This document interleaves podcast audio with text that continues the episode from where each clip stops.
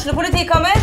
Ine Jansen er purk. Er du purk? The motherfucking bitch. Alt jeg vil, er å finne ut hva som skjedde med mannen min. Jon Carew. Er jeg sikta for noe? Iben Akeli. Det er du. Ole So, Lars Berrum og Big Daddy Karsten. Hvem sin side er du på, egentlig? Anette Hoff, Tone Danielsen, Kommer du fra Afrika? Jørnis Josef, Nesten. Kløfta. Trond Espen Seim, Det er synd å si det, men det var feil mann som døde. Purk. Premiere tirsdag på TV2 Play. Da er vi tilbake herfra, vi, Simon. Vi har eh, kommet så vidt gjennom spillerkarrieren din, og du har så vidt begynt å snakke om at du skulle bli trener. Eh, Når var det du skjønte det? At eh, du ikke ville på en måte nå opp som spiller? Jeg, jeg husker vel ikke sånn eksakt, men det var litt sånn rundt den ja, I løpet av den tida mi i Sørumsand, altså, som egentlig starta ganske bra Jeg var spillende Asten-trener òg. Jeg var på en måte ikke uh, kun Jeg har fortsatt å spille litt til, men det som var uh, tanken eller som, de tankene som kom fram rundt den perioden, var jo det at man Man skal på en måte gå inn i det med hud og hår på lik linje som du gjør for å utvikle deg som fotballspiller. Da. Skal du utvikle deg som trener, så er du nødt til å eh, være villig til å flytte egentlig hvor som helst for å få de riktige jobbene. Eh, og få muligheten til å ta de riktige jobbene. Du skal Eh, du skal leve ånde for det også, med, med, alt det innebærer med kamper i helgene og treninger i ukedagene. Og, og, gjerne også ved siden av det å ha en fulltidsjobb, da, fordi du eh, Du var jo ikke Det er ikke mange heltidsjobber, og det var ikke mange heltidsjobber under på en måte Eliteserien, da, kan du si, og Obos-ligaen. Eh, Eh, på seniornivå. Så nå er det jo langt flere heltidsjobber i fotballen. Eh, på nivåer hvor du ikke trenger å på en måte eh, ha jobb ved siden av og samtidig liksom prøve å utvikle deg som trener. Da. Så, så det var en periode der rundt den tida jeg testa ut det å på en måte trenegjerningen på seniornivå da, i, i Sørumsand, hvor jeg fant ut at um, det var kanskje ikke noe for meg, men at jeg ønska å jobbe i fotballen på andre måter. Og så var det tilfeldighetene som gjorde det at jeg i samme periode eh, begynte som frivillig mediekoordinator hos LSK. Eh, ja, parallelt? Ja. Eh, på, jeg tror og Jeg var i Sørumsand et par sesonger, og det var på litt utover i den perioden der hvor jeg jeg begynte å jobbe som mediekoordinator i, i LSK, og, og, det da kom inn på et løp litt tilfeldigvis, da, som vi sikkert skal innom, eh, som, som, fører til her jeg er her i dag. Da. Mm. Ja, for, for, å holde oss fast ved trener, hva slags uh, trener var du? Eller ville du blitt hvis du hadde gått den veien? Jeg var nok veldig i startfasen på, på en måte prøve forskjellig.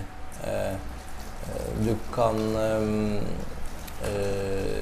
Du kan si at jeg var veldig jeg var åpen for å prøve, prøve forskjellige metoder og prøve uh, ulike tanker. Det, jeg hadde jo vokst opp i seniorfotballen med veldig mye 4-3-3 og uh, gjennom å ha liksom Ivar Selnes bl.a. i, i Skjetten, uh, som på en måte kom fra fra si, Nils Arne Eggen-fotballen og, og indreløper og, og, alt dette her, så, så var det prøvde jeg å ta med meg det jeg hadde lært fra ulike trenere jeg hadde hatt sjøl, men også det man på en måte leser seg opp på. Og så prøvde man å liksom egentlig teste ut. Så jeg var i en tidlig fase. Jeg hadde liksom ikke forma meg sjøl med noe, noe, noe egenkomponert eh, spillfilosofi eh, på den tida. Hva slags, For å prate litt om trenerrollen. Hva slags trener var det du likte å ha sjøl når du var spiller? Altså, jeg hører jo flere trenere snakker om at de plukker litt herfra, litt derfra. Men, men hva, hva, var det du likte aller best sjøl? Eller hvem? Jeg likte jo altså Som, som type så, så, likte jeg jo de trenere som stilte krav, men som samtidig hadde liksom varme til å se hver eneste spiller på, på hver sin måte og følge opp og eh, snakke med og sånn Ja. Det er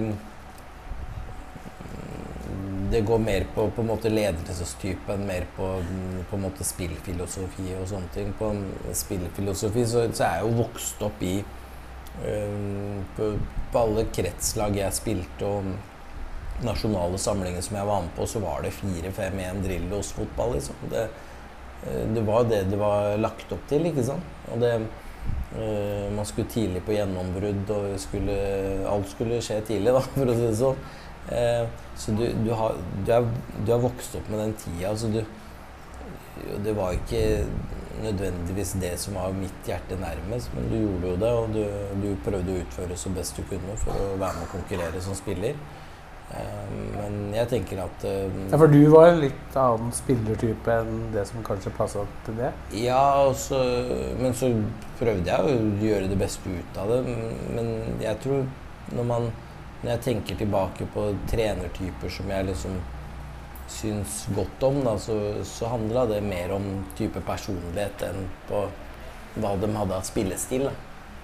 Mm. Og det, det, tror jeg egentlig eh, det er for de fleste, egentlig. Men så blir det ofte sånn at hvis det er clinch på personlighet, så blir det litt clinch på spillestil òg blir vel det fort. Eh. Ja.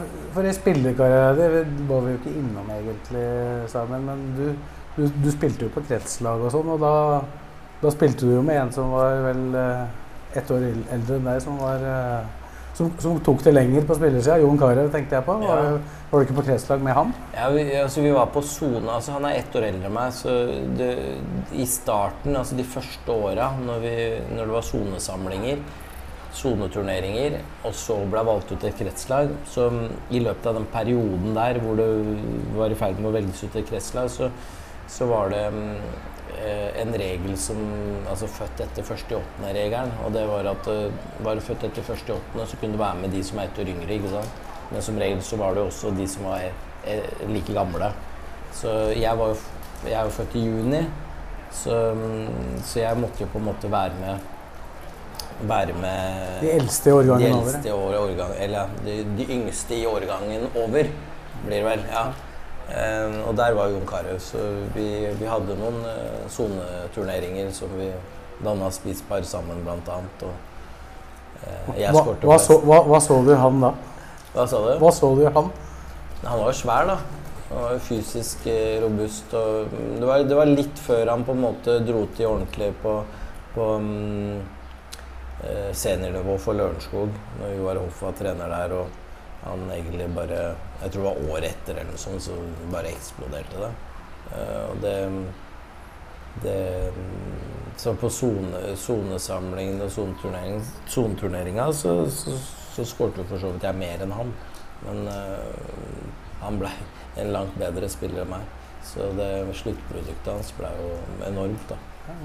Greit å ha på CV-en, kanskje? eller? Ja, det, ja, det er jo det er morsomt, det. det men eh, jeg tenker jo at han, han blei jo som sagt eh, Det var noe som skjedde med antageligvis fordi han hadde vokst ganske mye veldig fort. da. Som, så det tok kanskje et år ekstra som før han liksom fikk eh, Koordinasjonen fikk satt seg. Men han, han blåste jo til noe enormt der når han begynte å spille. Han var vel ikke gamle gutten da heller. han begynte å spille på A-laget til, til Lørenskog i, i tredje divisjon, eller annen divisjon. Det året de rykka ned, tror jeg. Nei, og så ble, ble han nesten henta til ja. Eliteserien ja. før han hadde spilt annendivisjon for dem. Ja.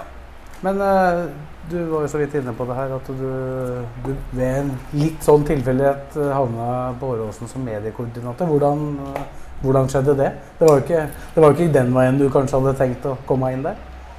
Nei, det, det, var ikke det. Det, altså det som skjedde, var at uh, jeg var der på kampdag og, og ha, på en måte hadde kontakt da med, med, spillerne som var der. Det var jo Anthony Uja hadde signert for klubben, Nåsa Igibor var der. Det var en del afrikanske spillere. Det var en del mange unge spillere generelt. Altså med, med Stian Ringstad, og Ruben Gabrielsen og Fredrik Gulbrandsen. Og. Er spillere som du hadde kontakt med uten at du var i LSK, eller som du Nei, Som jeg fikk kontakt med når jeg på en måte begynte å være der på kampdag. da, hvor... Um, ja, Hvordan var det du plutselig begynte å være der på kampdag? da?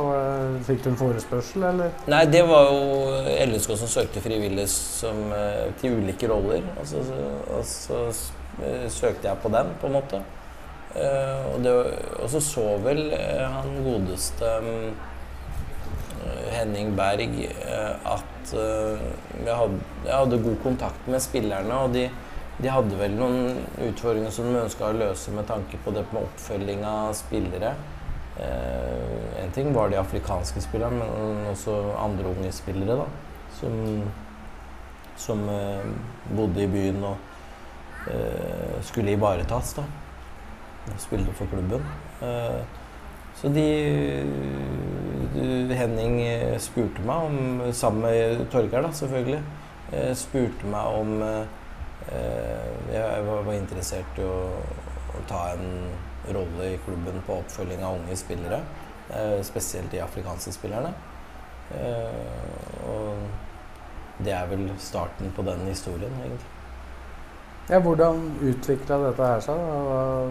Hva besto jobben din av da etter hvert her? Nei, det, det starta med at jeg, jeg, hadde en jobb ved siden av, selvfølgelig, sivilt. Og så, så, gikk jeg inn i det med at eh, jeg også var trener for Sørumsand på den tida. Og fikk den rollen på en 20% stilling. Og da ble det mye sjonglering, merka jeg. Så det endte jo opp med at jeg slutta i Sørumsand. Eh, og så Eh, fortsatte jeg å jobbe i LSK. Nei, ja, i LSK. Og så gikk jo Du hadde en siviljobb i tillegg? Ja. Og det, det, var fordi jeg ikke hadde fikk, Jeg fikk jo ikke en 100 %-rolle med en gang i LSK, så jeg, det, det, var en måte å, å, å, ha inntekt på, full inntekt på. Jeg hadde en fleksibel jobb, men uh, i en bedrift hvor, var, hvor sjefen min var LSK-supporter. Kent Moen var LSK-supporter, og han eh, eh sørga for at jeg Eller jeg fikk frislipp for å gjøre saker i arbeidstid eh, så lenge jeg på en måte gjorde det jeg skulle gjøre på oppfølging av kundene.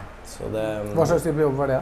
Det var jobb i et hygieneselskap som, eh, inn mot dagligvarebransjen. Så det var eh, det var veldig, veldig fleksibelt og samtidig veldig fin jobb. Men, men, som gjorde at jeg kunne kombinere det med jobben i LSK, som var på en 20 %-stilling, som ble økt til 40 som igjen ble økt til 60, og så ble det til 100 eh, etter hvert der. Og det, det tok noen år.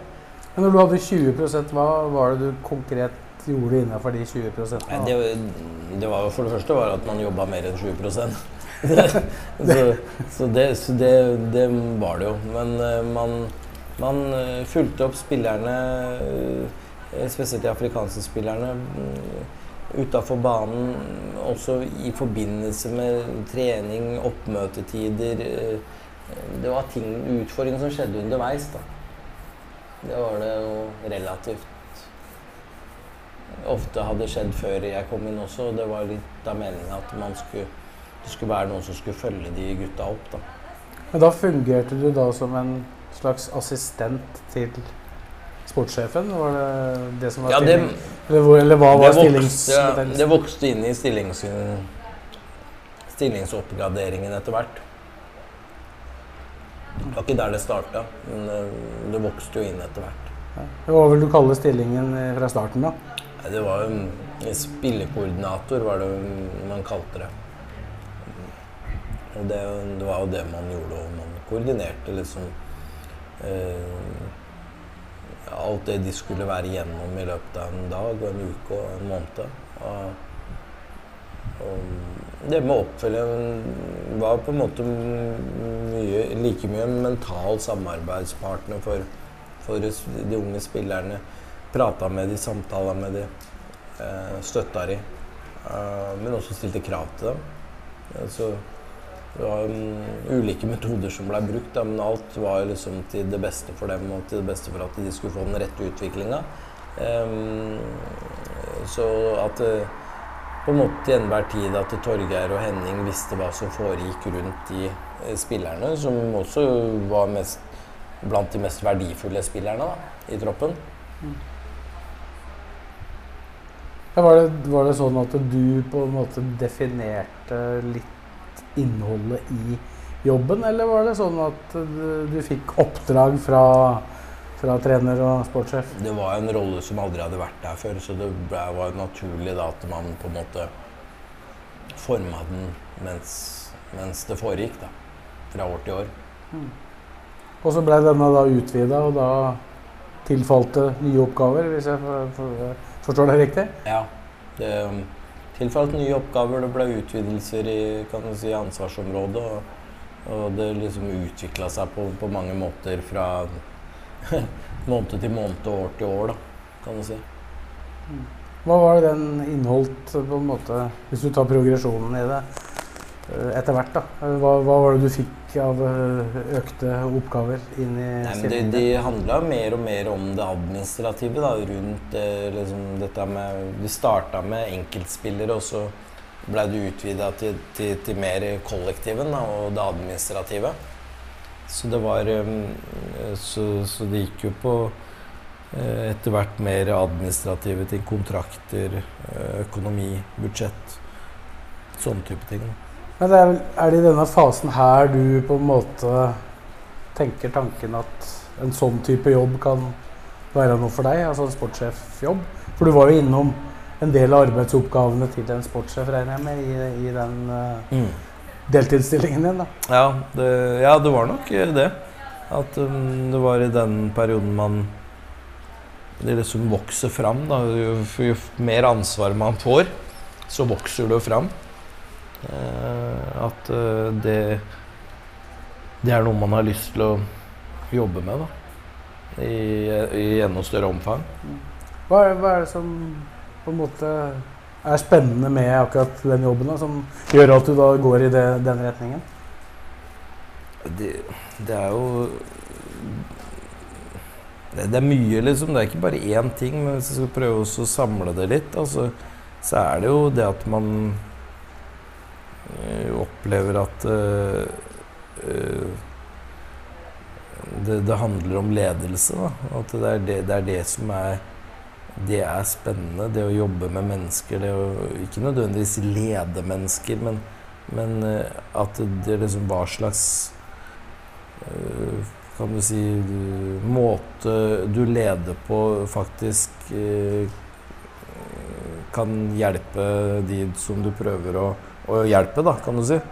Så det, det er jo ledelsesfilosofi, hvordan det påvirker menneskene i organisasjonen, det, det, det syns jeg er fascinerende. og Så er det, er det det å jobbe i laget med folk. Liksom det, eh, som jeg sa, jeg, jeg prøvde trenergjerningen. Syns ikke det var noe som, som passa for meg. Eh, Hva var, hva var det med det som på en måte ikke helt klaffa? Nei, men det er jo det at du må ta den rei... Jeg var ikke villig til å på en måte reise rundt, f.eks. Altså, du du veit hvor mye du ofrer for enten ved å bli spiller, eh, altså profesjonell spiller på høyeste nivå, eller å prøve å komme dit. da. Og det er en, det er, du ofrer en del ting. Og jeg spilte jo en del hundre kamper til slutt da, i, på, på nivå tre, altså Postnordligaen. Og det er, det er ikke den hyggeligste ligaen å, å spille i med tanke på at du, du har ikke så veldig godt betalt, men du, du trener antageligvis og, og gjør antageligvis veldig like mye i, i hverdagen som mange andre på de nivåene høyere, da. Men du, du øh, å, å gjøre det igjen, det, det var jeg ikke så veldig interessert i. Samtidig som det er en del ting i den rollen som vokste fram i meg, som jeg ikke var klar over når jeg begynte å jobbe i LSK. Som, eh, som viste at det kanskje en lederrolle Det er på en måte ikke en sånn Det blir ikke fortalt så mye om hvordan det er å være daglig leder eller sportsleder eller ha lederrolle i en eliteserieklubb f.eks. Men det å være trener, det, jo, det er jo mer synlig for folk å se. Og så tror jeg ikke alle skjønner eh, hva det inne, innebærer heller, å, å ta den jobben. For det skal vi sikkert være innom seinere, men det, det også er en tøff jobb. Altså, hvordan eh, Eller hvor ville du vært i dag hvis, øh, hvis ikke de tilfeldighetene gjorde at du plutselig havna inn i systemet på Åråsen? Hva vil Simon Mesfield drive med i dag, da, tror du? Det er vanskelig å si, egentlig. Eh, Det er et godt spørsmål. Nei, det er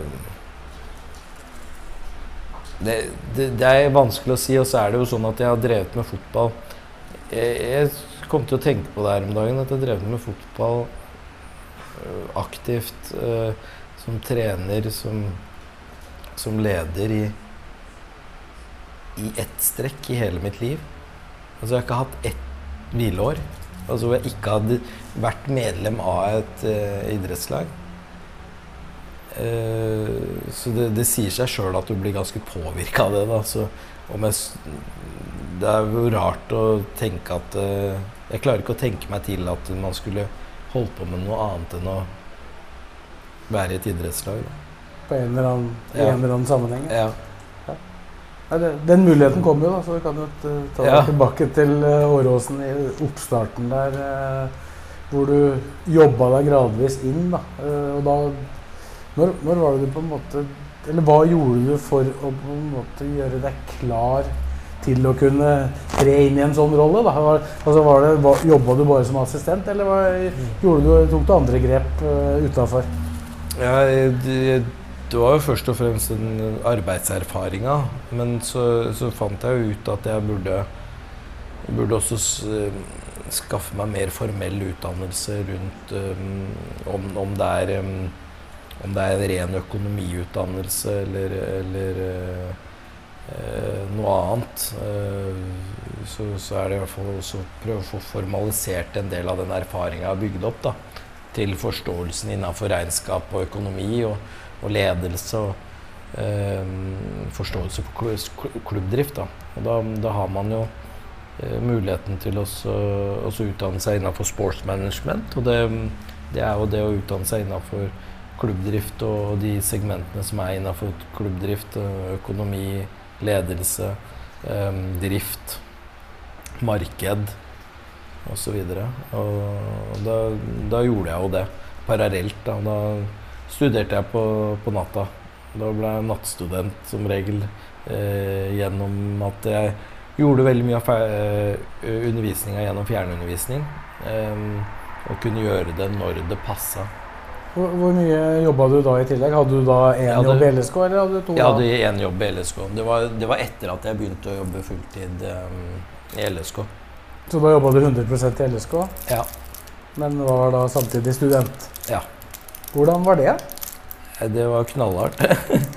Men det var på en måte der jeg sa at jeg var, mm, ikke var så motivert for skole tidligere om åra, så var jeg veldig motivert nå. I den perioden. For det var veldig retta mot det jeg, det jeg holdt på med. Og det var, jeg, jeg kunne på en måte aktivt bruke det hver dag i, i jobb også. Eh, kunne på en måte se forskjellene. Det, det er som Altså Normalt sett så jo, studerer jo folk, og så kanskje de er ute i praksis. Jeg var i praksis hver dag, på en måte. Eh, som gjorde utdannelsen veldig sånn relevant der og da. Samtidig som det var, det var ikke, Jeg tror ikke det var alfa og omega for Jeg tror ikke jeg måtte hatt den utdannelsen for å øh, ende opp i den jobben som jeg gjorde. Eller som jeg har gjort, da. Men eh, jeg Og det var ikke derfor jeg tok den utdannelsen. Det var mer for å på en måte ha mye mer å reflektere rundt. Og det, det, det, det å liksom vite at du skal være bevisst hvordan eh, du velger din ledelsesfilosofi. Da. Eh, eh, få flere refleksjoner rundt det og få mer informasjon rundt det og lære mer. Det er jo eh, Det tror jeg er viktig. Eller det, det er jeg helt sikker på at det er viktig. Ja, hvordan, fikk du her, hvordan fikk du dette her til å gå i hop? For du, du jobba jo Ja, det- sikkert minst 100% på Åråsen. Ja, nei, det, var, det er jo sånn som nå, da, at det gikk døgnet rundt. da. Så det er god trening for det vi driver med nå. da. Ja. Så, så øh, var det jo veldig spesielt, for jeg ble jo pappa på slutten der. Eller, ja. øh, den siste perioden her. Og det, det var en ganske tøff periode eh, også for eh, samboeren min og, og, og oss som familie, da. Og det, en hyggelig periode, selvfølgelig, men det, det blir jo veldig spesielt da når man må, må drive og levere oppgaver hele tida og skal jobbe samtidig. Hvor lang tid pågikk dette her? Det var jo Jeg husker ikke engang. Holdt jo på noen år. Ja, for det var, alt var på fjernundervisning? Da, eller? Ja.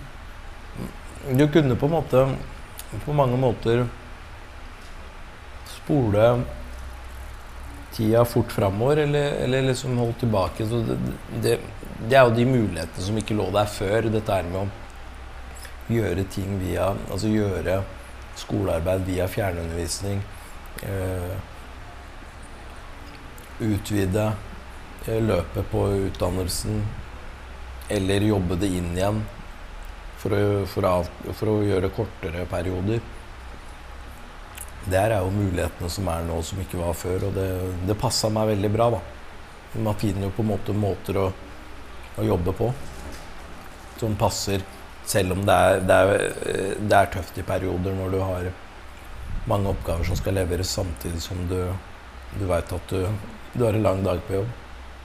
Var det sånn at du på en måte tok igjen det du ikke hadde gjort på skolen, du da, i struktur og ordentlig system? da?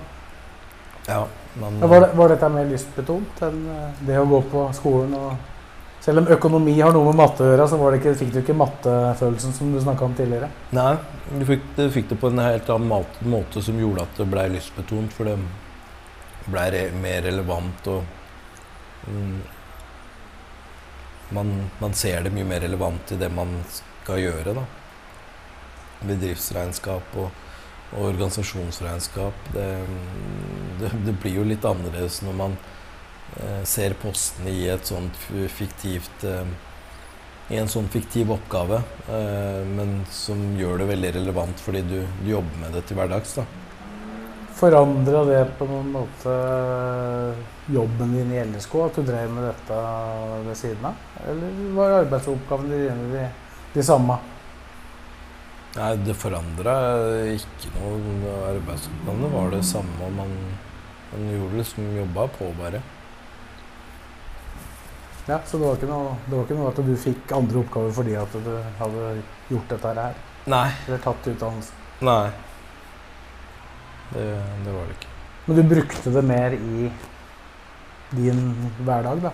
Ja, og så var det jo det å forberede seg også inn i liksom eh, framtida, egentlig. Det, om, det, om det skulle være i, i, på ledernivå i LSK eller øh, noe annet sted, så, så skulle jeg i hvert fall forberede meg mer og så på en måte kanskje ha den eh, en litt mer faglig dokumentert tyngde, da. Men den utdannelsen der, hvor kunne du brukt den uten å være i en fotballklubb? Ja, altså for det går Det er jo mye på ledelse. Uh, og så blir det jo ikke Blir det jo noe re relevant for um, I økonomi så var det jo på en måte eh, Om det er et klubbregnskap eller om det er bedriftsregnskap, så er det et regnskap, på en måte. Altså det var noe du kunne brukt eh, til andre ting hvis du Ja, ikke hadde fortsatt innen fotball. ja absolutt. Men så Hvor mange forskjellige yrker har du vært innom på veien? da? For du, vi har jo ikke prata så mye om det du har drevet Ja. med, som du har tjent til livets opphold Ja. underveis her. Eh, Kan du ta oss litt gjennom det? Jeg har jo vært inn... Altså. Jeg har, jeg har jo vært innom eh, noen yrker, og det også har vært på en måte litt for å sjekke ut hva, eh, hva som fenger meg, hva jeg er interessert i. Eh, og dette har jeg gjort ved siden av det løpet vi har snakka om gjennom fotballen. Eh, så jeg begynte å jobbe tidlig. Eh, første jobben jeg hadde, var på Skjell. Unnskyld. Kjetten Fina. Eh, og andre jobben eh, var Hva var det du gjorde der? Eh, Nei, da jobba jeg på bensinstasjon. Eh, det var jo en fin tid, det. var Første jobben min. Første ordentlige jobben min. Det var sånn jeg Sånn jeg jobba på og fikk jobberfaring, da. Det var mens jeg gikk på, på videregående skole. Eh, og bodde på Skjetten. Eh, etter hvert, så Etter at jeg dimma i militæret, så begynte jeg å jobbe på, på en skole. Um, Som læ lærer? Ja, eh, som vikarlærer og assistent eh, for, for enkeltelever. Uh, og det er jo, der har jo mange gode minner. Og det var, uh, da var jeg litt innom det der Skal jeg bli lærer? Så jeg kan jo kjenne igjen de ulike arbeidsepokene med, med et forsøk på å se om er det dette jeg har lyst til. Eh, veldig mange av de elevene som gikk på Studentærhus skole da, har jo kontakt med den dag i dag. Og de, eh, jeg kan treffe dem innimellom i, i bylivet her, og det er veldig hyggelig. De har blitt voksne nå. Um, ellers så har jeg vært innom Jeg har jobba en par-tre år tror jeg, i politiet. På et nyoppretta særorgan, Politiets utlendingsenhet. Og da var jeg også litt innom tanken på om det var Politihøgskolen jeg ville søke på. da. Så, så jeg kjenner jo en eh, Og så har jeg jobba som selger. Eh, selger eh, innafor dagligvarebransjen spesielt. da. Så det var litt sånn Var det en sånn ta og føle på-periode hvor du Ja. følte deg litt fram, eller? Ja, og det tror jeg var viktig for meg for å finne ut av Men rart med det, så jeg holdt jo på med fotball på sida av dette hele tiden, og det var jo det jeg endte med. Hvis man kan si at jeg endte med noe, da. Ja, det er kanskje litt tidlig å si det, men Ja. det er i hvert fall det du driver med nå. Ja, ja ikke sant? Men, men var, var det noen av de tinga du var innom, som du kunne ha fortsatt å drive med resten av livet? Ja, jeg har alltid tenkt på at øh, å jobbe i politiet hadde vært øh, artig. Og sikkert veldig interessant og sikkert veldig slitsomt òg. Men, mens, at det hadde vært utfordrende, da. Hva var det jobben din besto i der, da? Som, eh, Var det Der jobba jeg som konsulent i, i po- Politiets utlendingsenhet, som hadde det overordna ansvaret for å identifisere, effektuere uh, og uh, ja, uttransportere da. Eh, eh, folk som ikke har lovlig opphold i Norge. Eh, Så det Det var var etter hvert ikke så veldig lystbetont, da, for å si det sånn. Selv om det på en måte selv om det er riktig sånn regelmessig det du driver med, eller lovmessig det du driver med, så betyr ikke at det trenger å være så artig allikevel. Liksom. Det, Ja, for da besto jobben da i å transportere folk ja, være, være med å identifisere de som skulle transporteres ut. Da. Det var som regel politibetjenter som transporterte dem ut. Var det noe du lærte der eh, som du kunne ta med deg inn i den jobben du har nå? da? Ja, ja, jeg har tatt med meg øh, på en måte øh, veldig mye fra de forskjellige yrkene jeg har vært innom. egentlig. Jo det. Det har vært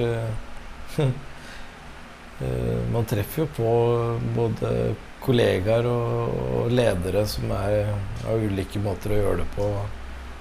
Det var noe innen fagfeltet, både som lærer og i politiet, som på en måte er overførbart direkte inn i den jobben du har nå? Ja, det kan godt hende uten at jeg liksom klarer å det, Ja, ja, absolutt. Det, det handler jo om liksom organisasjon, f.eks. Altså det, er- det er organisasjonsjobbing der som det er hos oss. Eh, som det er i, i skoleverket, på en skole. Som det er på, på, i politiet, som det er i LSK. Det er organisasjonsjobbing, så det er jo helt sikkert mange ting som skjer i løpet av en dag som jeg Uten at jeg kommer på det nå, men som er eh, fellestrekk. da. Det er det liksom hvordan man håndterer det. da. Men tilbake på, på Åråsen, da, så var du assistenten til uh, Bjarmann. Uh, ble jo henta noen spillere da. Hvor, hvordan var du involvert uh, i forbindelse med overganger da?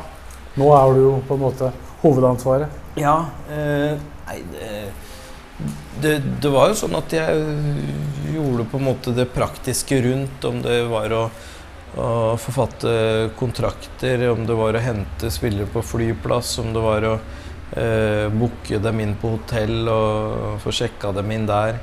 Eh, om det var å finne leilighet for eh, få lagd leieavtale på leile, leilighet, flytte dem inn. Eh, skru opp møbler. Eh, hente møbler på Ikea og skru det opp. Liksom, det, det, uansett hva det var rundt det, så, så var jeg involvert i det. Og Ja, som det- regel uh, tok tak i det, da. Det regner jeg med at det dukka opp noen uh, episoder. Det var en del spillere som uh, kom og gikk i den perioden også. Ja, det var det, altså. Det var Noe, du kan fortelle om der? Ja, spesielle situasjoner? Komme på nå, så er det vel ikke Det var bare at det var Ja, det, det, kom jo Det var mye.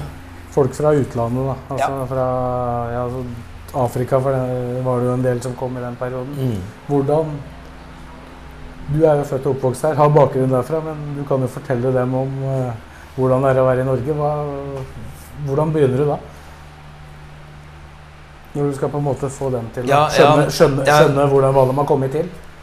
Ja, det, det er i hvert fall ikke å begynne å bare fortelle masse om hvordan det er. For det, det, det er jo ingen mål og mening når du ikke har noen referanser til hvordan det er. Så det handler mer om å prate igjennom det når Altså i, i du trenger å- De trenger ikke å gjøre alle feila, da. Selvfølgelig også skal du fortelle at uh, det kunne du gjort annerledes, men på en måte uh, det er en balansegang mellom å fortelle alt uh, og ikke fortelle noen ting. da.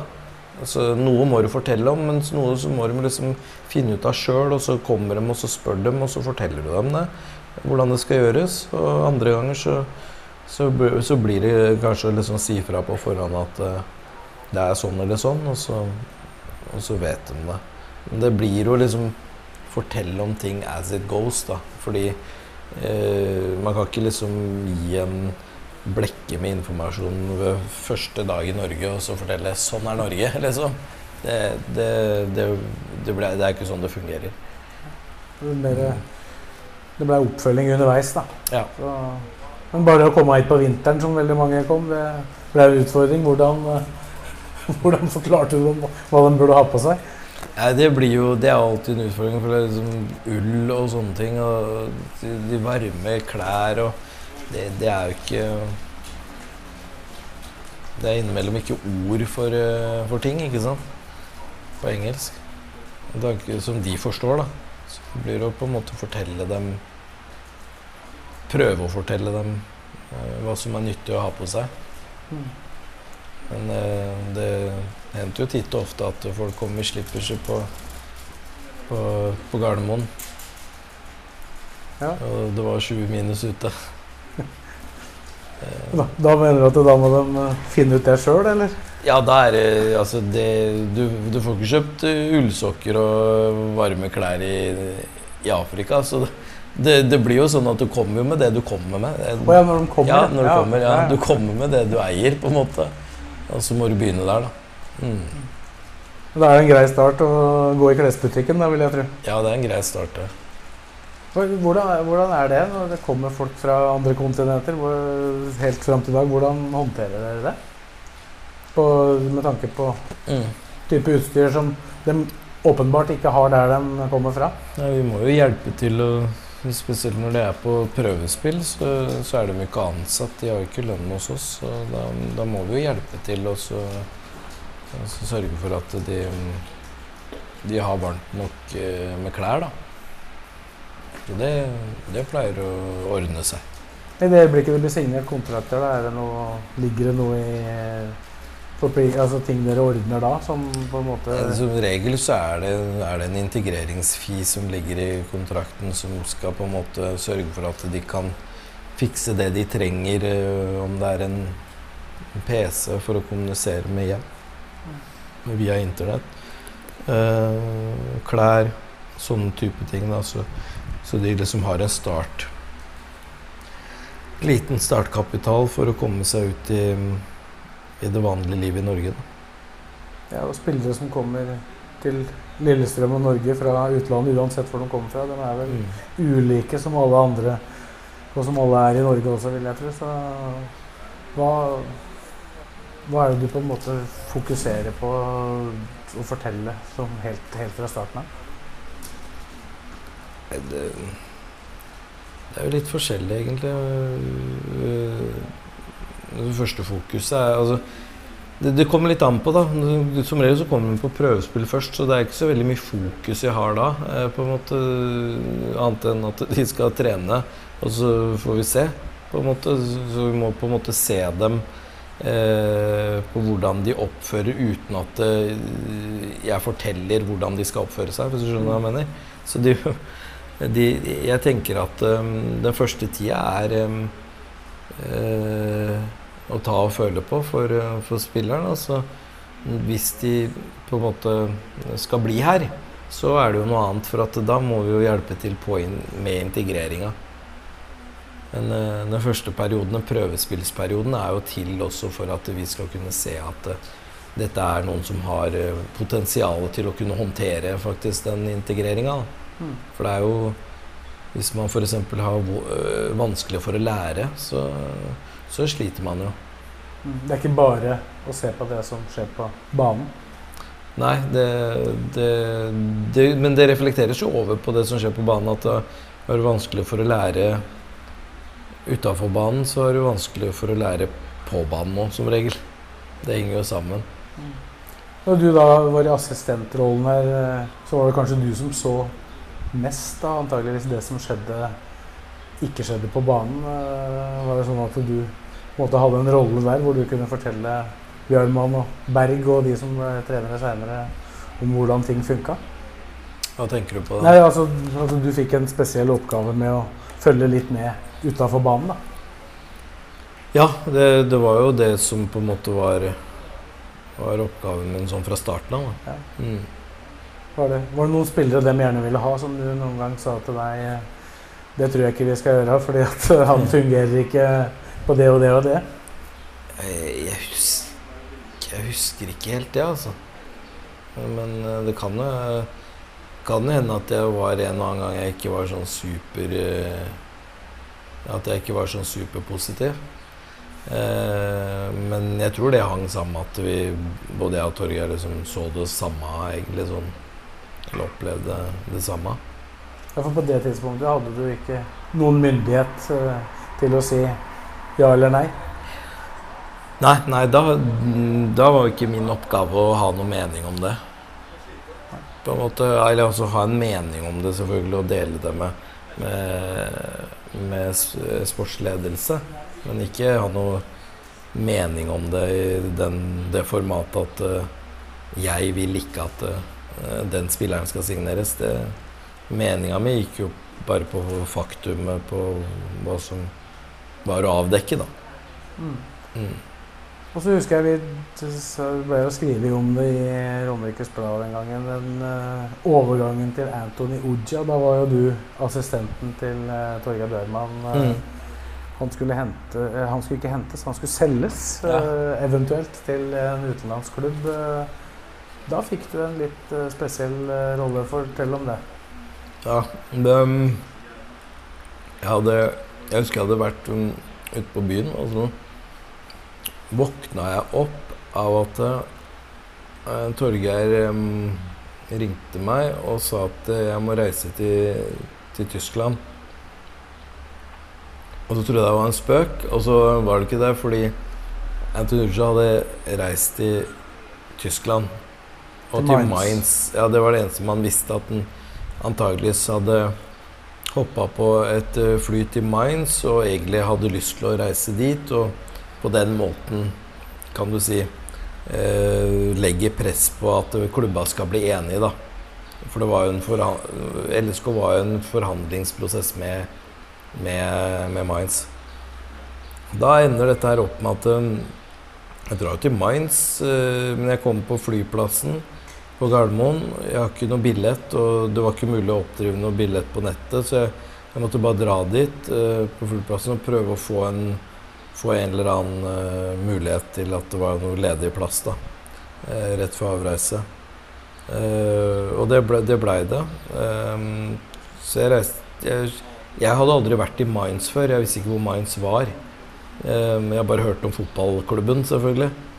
Eh, alle veit hvor Frankfurt er, alle veit hvor München er, men Mainz det visste jeg ikke hvor det var. Men jeg fant ut at du tar fly til, til Frankfurt, og så setter du deg på toget derifra. Jeg tror det var Frankfurt eller så var det Stuttgart, jeg husker ikke helt, men en av dem.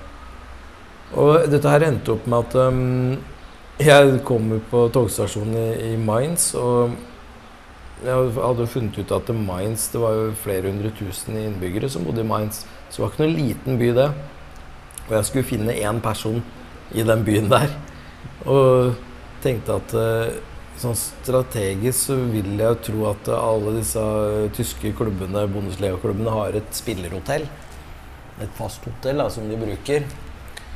Og i og med at uh, Nulch antageligvis hadde reist dit på, på regninga til uh, Mainz, så tenkte jeg at da må vi jo Da må jeg prøve å finne det. Men det var jo ikke enkelt, det heller. Så på femte tysker jeg spurte, så fant jeg en som visste hvor spillerhotellet til Mainz var. Og da, da fant jeg fant jeg jo uh, Ujav der, da. På spillerhotellet. Ja, hele grunnen til at du skulle dra, det var jo da at han ikke nødvendigvis hadde lov til å være der. Ja. Han hadde reist. Hva, hva var grunnen til at han ikke hadde lov til å være der? Ja, han hadde ikke mm, Fordi klubbene hadde ikke blitt enige. og Han var jo LSKs eiendom, og LSK hadde ikke gitt noe tillatelse til, for han å reise dit. Men så skal det sies at jeg, når jeg kom ned dit, så oppfatta jeg ikke at han prata med klubben eller, eller noe sånt. Og de kunne på en måte ikke gjort noe overgang uansett. Men det er jo på en måte Det blir jo lagt et ekstra press på klubben når en spiller reiser til den andre klubben, og den andre klubben skjønner det. At den har lyst til å være her. Eller være der. Um, det var en spesiell situasjon som, uh, hvor jeg egentlig bare skulle være der. Uh, Anthony hadde jeg jo hatt veldig mye å gjøre da i halvannet år. da. Og jeg hadde jo mye tillit hos ham, men han var nok litt redd for at jeg var sendt dit for å hente han. Men jeg var ikke sendt dit for å hente han, jeg var sendt dit for å være der.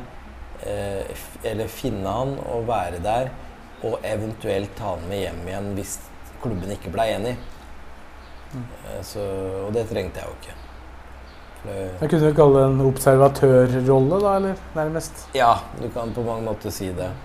Hva, hva skjer da? Du får tak i en, eller du finner den. Hva, hva gjør du da?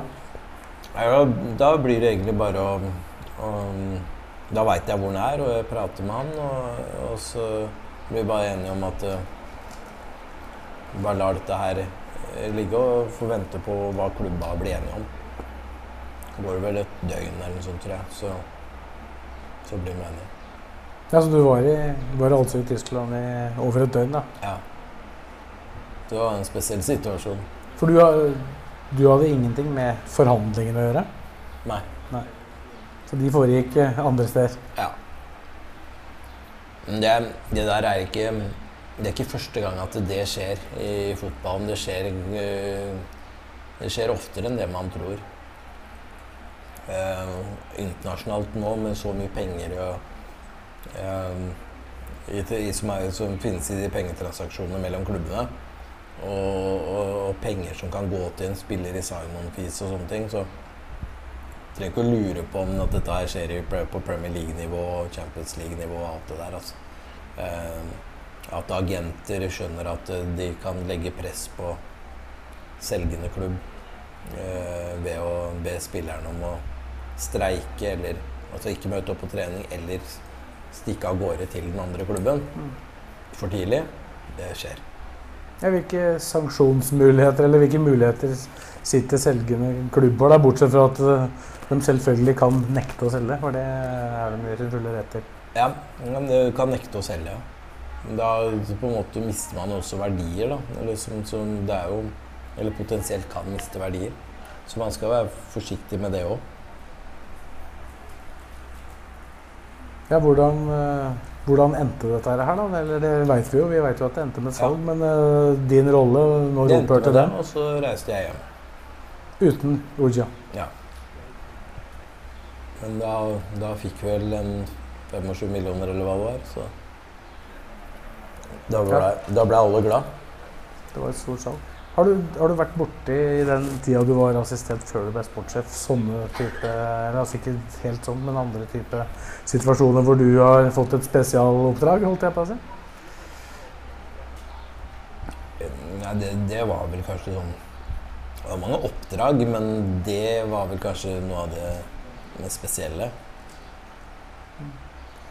I jakten på spillere, da, det er jo snakkes så mye om scouting i fotball. Hadde du en rolle der, eller hadde Ja, du ja, man var jo ute og så kamper og på en måte fikk loggført inn i klubben og sånne ting. Så uh, Marius Lundemo blant annet var og så på i Bærum flere ganger. Og uh, sammen med for så vidt Pellegrino òg. Som, som spilte på samme lag som Lundemo. Um, så man var jo rundt og så spesielt lokalt da, til spillere. Hva er det du rapporterer tilbake når du er på sånne oppdrag? Hva er det, hva er det for så vidt den andre parten er, eller altså trener, sportssjef, er ute etter da?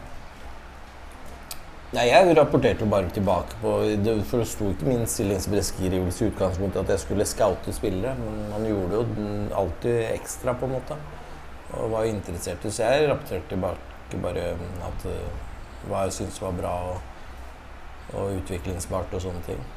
Så, og det var jo i utgangspunktet ikke min oppgave å, å rekruttere Det var jo Torgeir og Henning Berg eller de som til enhver tid var trenere der.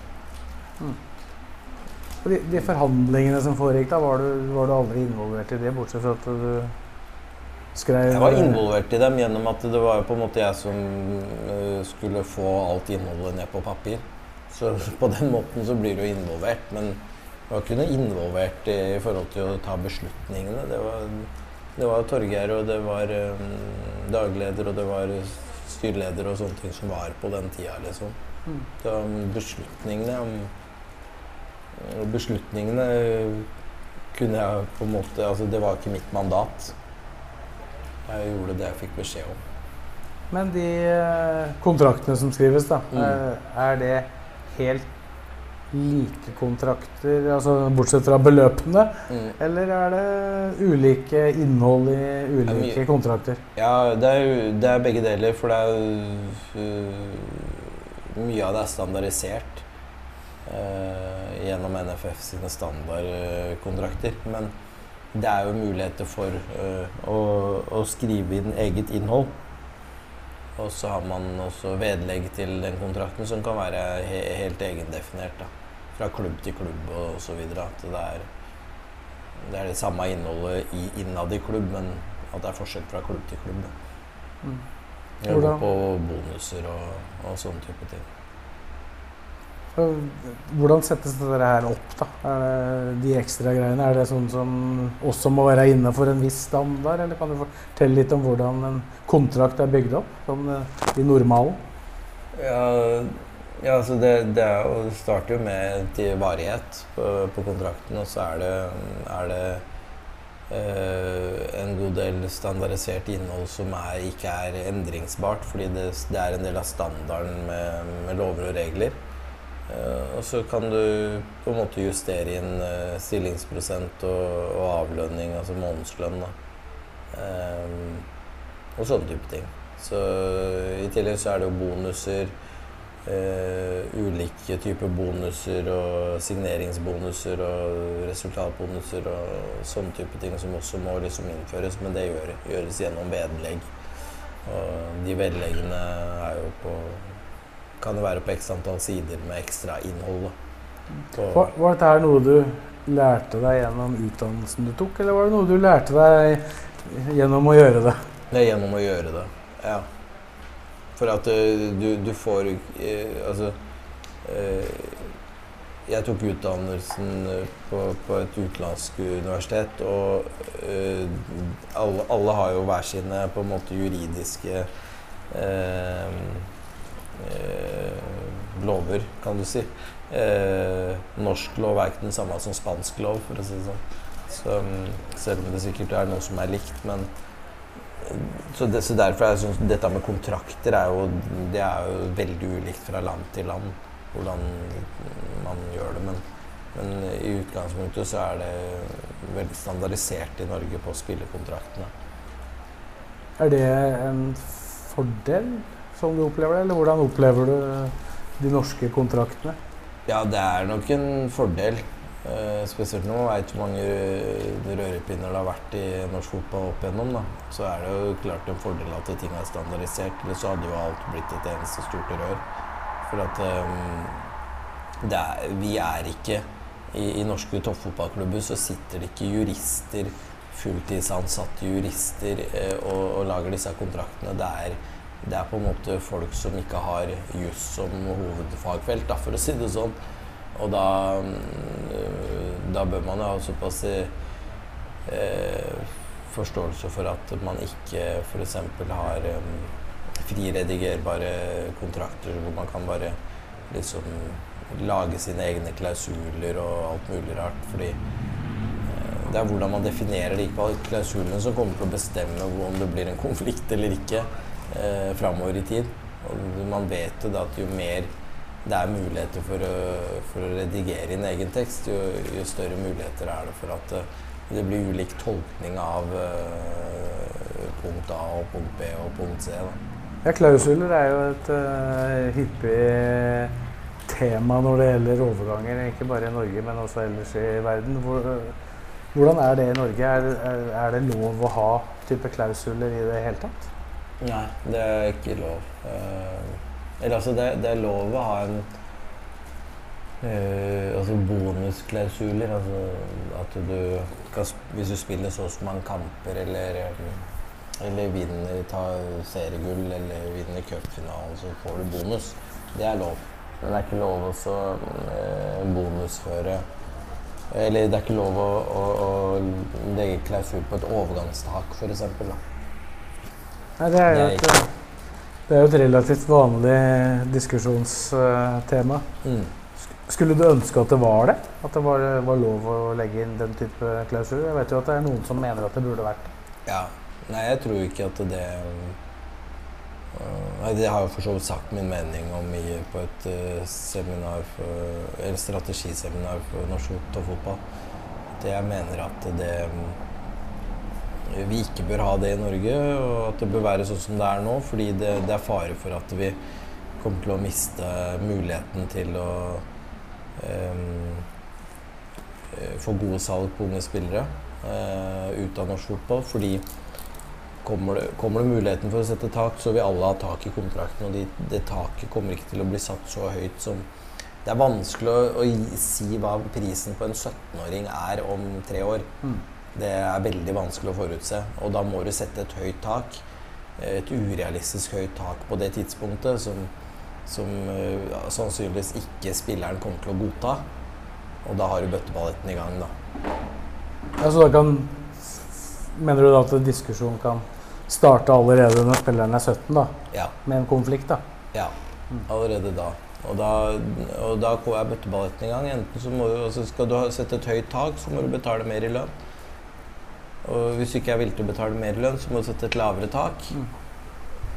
Ja, så, å, sette et tak på en uh, spiller altså, som er 17 år, som du ikke veit hvor Når er det når er det han blir så og så mye verdt? Det er helt umulig å vite. Da.